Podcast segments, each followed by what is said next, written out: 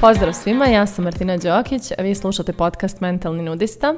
Nalazimo se u drugoj epizodi sezone 3 i da vam budem potpuno iskrena, osjećam da sam malo ispala iz forme sa snimanjem epizoda. Znam da mi je prva bila malo onako kao da ponovo uh, moram da skontam kako ide ovaj koncept bila je velika pauza, ali evo vraćam se u fazon.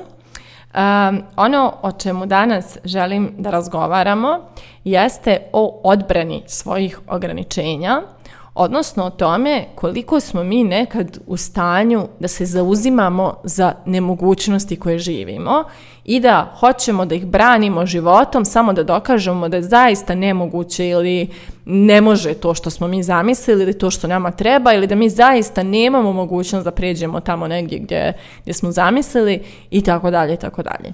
I e, ovome svjedočim jako često da kad ljudima daš neku perspektivu u kojoj je taj neki njihov problem reašiv ili ta neka e, situacija u kojoj se nalaze e, može da se prevaziđe ili to nešto što su zamislili može da se postigne, da su ti ljudi često u stanju da e, se raspravljaju s tobom i argumentuju ti zašto to ipak ne i zašto ipak nemoguće zaista, zašto zaista nema šanse da se to desi, zašto zaista nema sile da se to riješi i tako dalje i tako dalje. E sad, nije, nije niko loš kad to radi i da se razumijemo, nisam ja sad kao u svemu ispeglana i kao meni što god kažeš može, ja sam 100% prihvatim to, nego daleko od toga. Imam ja i svoje faze i svoja polja u kojima ja osjećam da branim svoje ograničenja ali e, važno je razumjeti šta stoji iza toga, odnosno zašto nekad branimo svoje ograničenja, zašto nam se nekad to desi. I s druge strane, isto da napomenem, ok je ako nam se nekad to desi.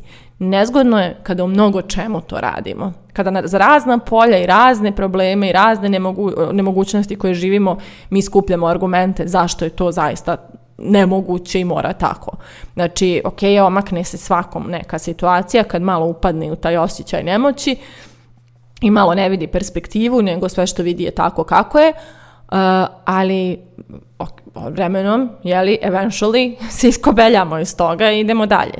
Ali ako ostajemo i sjedimo u tome i nastavljamo da advokatišemo zato da su naše nemogućnosti jedina istina, e, tu je već malo veći zajeb.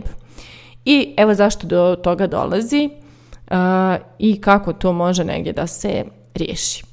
Uh, prvo, um, svi mi negdje živimo neka svoja ograničavajuća uvjerenja koja nama kreiraju realnost. Ja sam o uvjerenjima dosta puta pričala u ovom podcastu, ali negdje jedno je pričati o njima, drugo je raditi na svojim uvjerenjima i zato postoje određeni alati koje ja recimo lično provlačim kroz razne neke Eh, edukacije ili coaching ili kroz šta, ja, god je moj rad i moj proizvod, ja kroz to zaista pomažem ljudima da prevaziđu promjene neka svoja ili ograničavajuća uvjerenja, ali činjenice svi ih imamo. I tačno kad se osvrnemo oko sebe i pogledamo u svoj život, e, dotle naše uvjerenja idu. Znači, to što imamo, to je trenutno u našoj glavi moguće, sve što želimo mimo toga, eh, a nemamo ili ne uspijevamo već dugo da, da steknemo ili stvorimo ili riješimo, to je zato što neki dijelovi nas su čvrsto uvjereni da to tako, da nema, nema rješenja i nema načina i to su jel, neka naša uvjerenja koja leže i čuče u nama i ona često nisu svjesna, mislim, jako je važno to razumijemo. Dosta naših uvjerenja, ne dosta, nego sva naša uvjerenja su u našem nesvjesnom umu.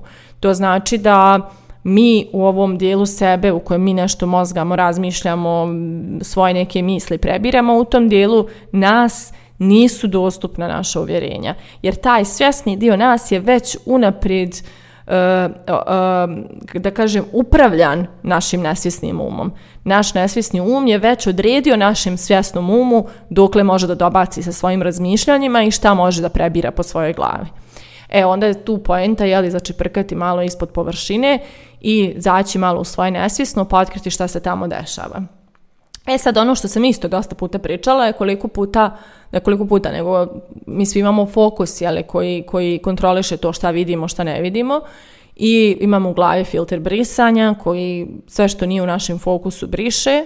Pričala sam primjere i o autima, kad nam se neki svidi pa ga sada svuda vidimo, to je zato što nam je fokus na tom autu, a ranije ga nismo vidjeli, zato što nam nije bio fokus na njemu, pa nam je filter brisanja brisao taj auto, da ga ne primjećujemo. e, e naš fokus je upravljan našim uvjerenjima i prosto ako imamo neko negativno uvjerenje, naš fokus se, se trudi da dokaže istinitost toga. I nama je jako teško uopšte skontati da je to samo naše uvjerenje i da smo mi jedini koji, možda ne jedini, ali da smo mi ti koji vidimo tu perspektivu, zato što mi, naš fokus ne primjećuje ništa drugo mimo toga što je naše uvjerenje reklo da je moguće ili nemoguće.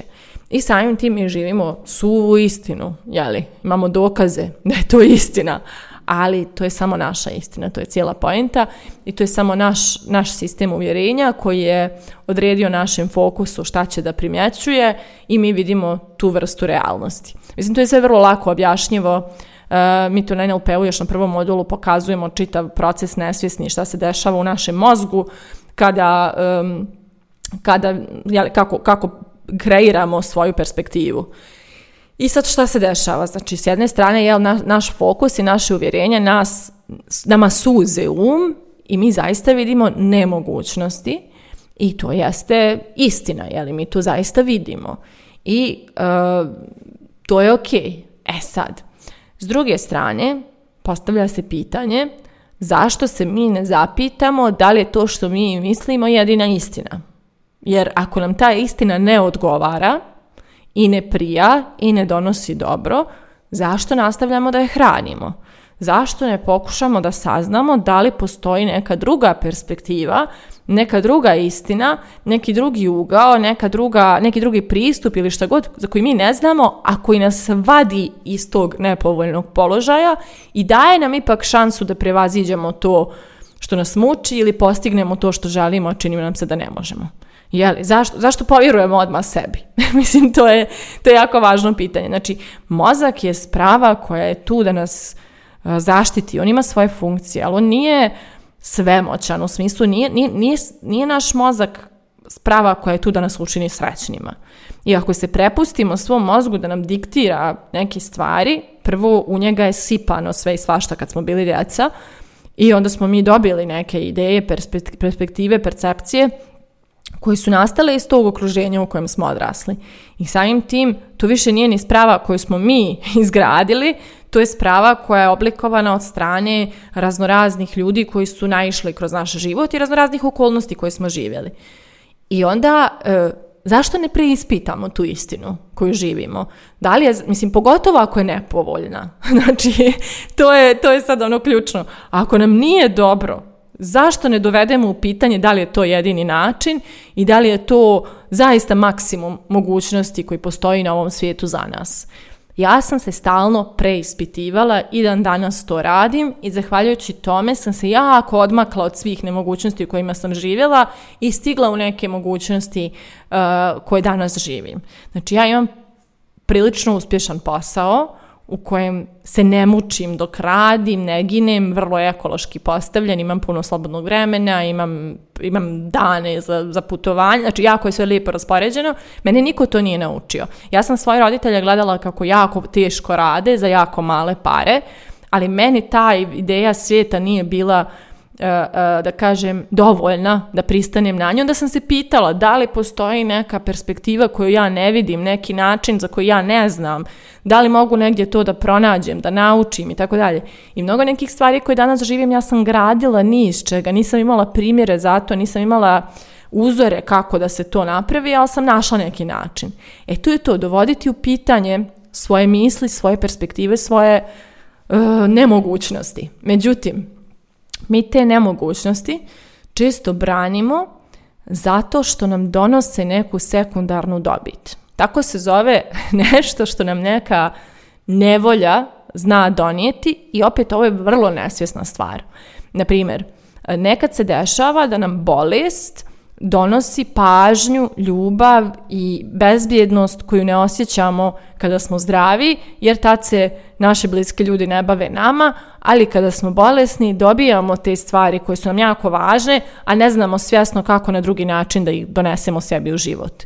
Ili to što nemamo posao i nikako da ga nađemo, nekad nas štiti od toga da ne znam, testiramo svoje kapacitete na nekom nepoznatom terenu i možda saznamo o sebi da nismo u nekim stvarima dobri i možda se ne znamo nositi sa greškama i neuspjehom, pa nam je lakše da budemo nezadovoljni time što nemamo posao, nego da povučemo, povučemo neki rizik pa probamo, izađemo na nepoznat teren, pa možda i ponesemo poraz neki. Znači, to nam se čini možda više preplavljujuće nego sjediti u toj nevolji nemogućnosti nemanja posla. Naravno, opet podlačim, ovo je sve nesvjesno. Nekad nam je lakše ostajati u odnosu koji je nekvalitetan, koji nas ne ispunjava, koji nam ne donosi dobro, nego vratiti se na dating scenu i probati graditi, biti ponovo ranjiv, jeli, posle tog neuspjeha i e, graditi s nekim odnos iz početka. Tako da, postoji puno sekundarnih dobiti od toga kada se mi zaglavimo u neku nemogućnost i spremni smo da je branimo životom, samo da dokažemo da je to zaista tako, da je to zaista nemoguće. E, to je cijela poenta. I onda zato ljudi često brane svoje nemogućnosti, zato ja nekad branim svoje nemogućnosti, jer ako bih imala mogućnost u tom nekom polju, to bi zahtijevalo od mene neku ranjivost, neku nešto što, eh, na što ja u ovom trenutku nisam spremna. I onda mi je lakše reći to stvarno ne može, nego reći ja to neću i ne želim da vidim da je moguće jer se bojim ako postane moguće za mene šta, eh, eh, kao morat ću da se izložim, da se prikažem, da, da budem ranjiva, da rizikujem i tako dalje. E to je onaj razlog zašto mi to svi nekad radimo i zašto neki ljudi oko nas to rade i kao što rekao, ok nam se ponekad to desi na ponekom polju, ali jako, jako, jako je nezgodno kada mi branimo svoja ograničenja u svemu i svačemu i kada to radimo godinama. Znači, ok da neki period naiđe kad smo malo isfrustrirani, slabi da se upuštamo u nove neke e, e, egzibicije i pobjede i onda nam je lakše da prosto sjedimo u nemogućnostima i živimo to tako. Tako da, eto, to je nekde, da kažem, neka nova perspektiva. Pa, razmislite onda o tome da li vi živite neke nemogućnosti pa niste se još potrudili da dovedete u pitanje tu svoju e, perspektivu ili je branite još kad neko pokušava da vam pokaže, ali može, ima načina, evo načina i tako dalje, vi ste kao ne, ne, ne, ali ja to ne mogu, ali meni ovo, ali meni ono, e, branite neku sekundarnu dobit ili se nečeg bojite i tako dalje. Tako da, moje pitanje za kraj ove epizode je da li branite jako mnogo svojih ograničenja ili ste spremni da preispitate šta je to zaista za vas moguće, a vi to još niste otkrili. Mislite o tome, a mi se družimo u narednoj epizodi.